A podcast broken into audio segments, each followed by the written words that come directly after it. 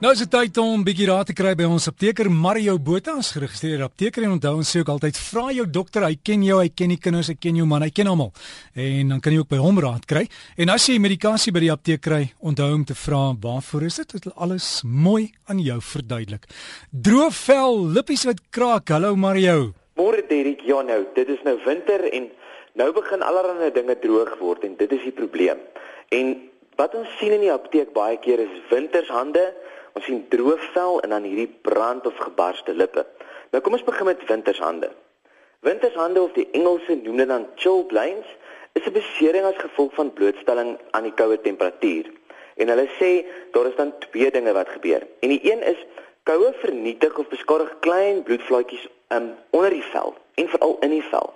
En dit veroorsaak dan hierdie rooi en jeukerige, soms kry mens blaase en dan inflammasie van die hand en of die voet. Die tweede verduideliking is dat koue laat die bloedvaatjies weer krimp en dit verwyder bloedvloei van die hande en die voete en veral dan die tone en die vingers. Nou, soos voete en die hande weer warmer word, sê hulle is daar dan 'n klein lekkasie van vloeistof van die bloedvate na die weefsel rondom dit. En dit is dan die ding wat hierdie inflammasie veroorsaak, wat vir party mense verskriklik seer is. Party mense sien brand of is jeukerig, dit mag selfs pers of rooi wees. En baie mense weet nie eintlik wat om te doen nie. Nou daar is behandeling in die apteek en ek moet sê as hierdie behandeling nie vir jou werk nie, dan moet jy by 'n dermatoloog uitkom. Maar om oor die toonbankbehandeling gou-gou te bespreek, is kortison salf verseker jou eerste opsie om na te kyk. Onthou net ek hou nie van kortison salf nie. Kortison salf maak die vel baie dun en dan het ons nie verweer deur allerlei ander dinge nie. En dan ja, mens kan nie vel beskadig oor 'n lang termyn met kortisonbehandeling. Maar dit is jou eerste opsie. En dan anti-inflammatoriese middels, soos 'n ibuprofen is baie goed om te gebruik vir hierdie inflammasie-agtige effek wat dan plaasvind. En dan iets baie interessants, kan jy ook 'n bloeddrukmedikasie met die naam Nifedipine gebruik. En Nifedipine veroorsaak dan hierdie vasodilatasie wat beteken jou verhoogde bloedvloei kan dan na die oppervlak beweeg en jy het dan nou nie hierdie verskriklike koue wat dan hierdie bloedvatjies vernietig nie. So ons probeer dan die bloed weer na die oppervlak kry. En dan sukkel baie baie mense in die apteek ook met 'n droë vel. Ons kry baie klagtes en wat moet hulle gebruik en hierdie room werk nie en daardie room werk nie. Nou met 'n droë vel moet mens pas op want 'n droë vel kan selfs 'n ekseemagtige effek op die vel veroorsaak. En dan bars dit oop en daar kan klein infeksies inkom en dan kan dit lei tot sekondêre infeksies. So dis hoekom ons moet pasop vir 'n droë vel. En dis nie altyd net die koue lug wat ons velle uitdroog nie, maar dis ook die verwarmers binne in die huise wat dan hierdie uitdroging van die vel veroorsaak.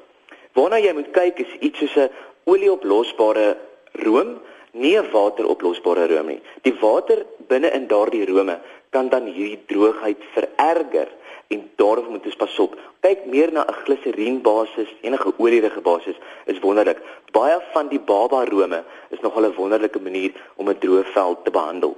En dan is dit belangrik om te om te, te onthou, jy moet nog steeds 'n sonskerm gebruik veral in die winter. Dit is belangrik want daai son kan nog meer ons vel uitdroog. So dra jou sonskerm veral op plekke wat oop is, soos jou arms en dan veral in jou gesig. Drink baie water en moenie te warm bad of stort nie. Dis nog 'n groot ding wat ons in die winter doen. Jong, ons stel daardie geysers lekker warm sodat ons bad lekker warm of of die weer stort heerlik is. Dan word ons voete en hande en die hele lyf word warm. Die probleem is ons droog dan die vel uit.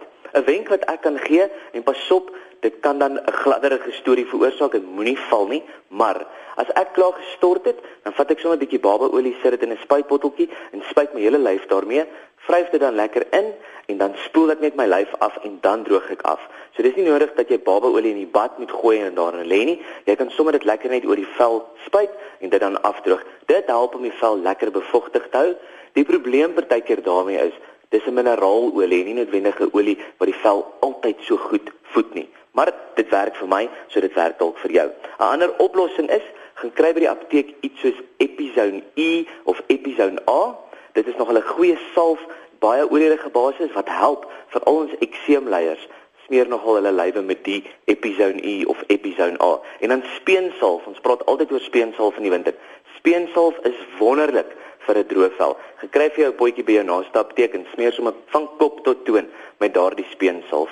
Die laaste ding, droë en gebarste lippe.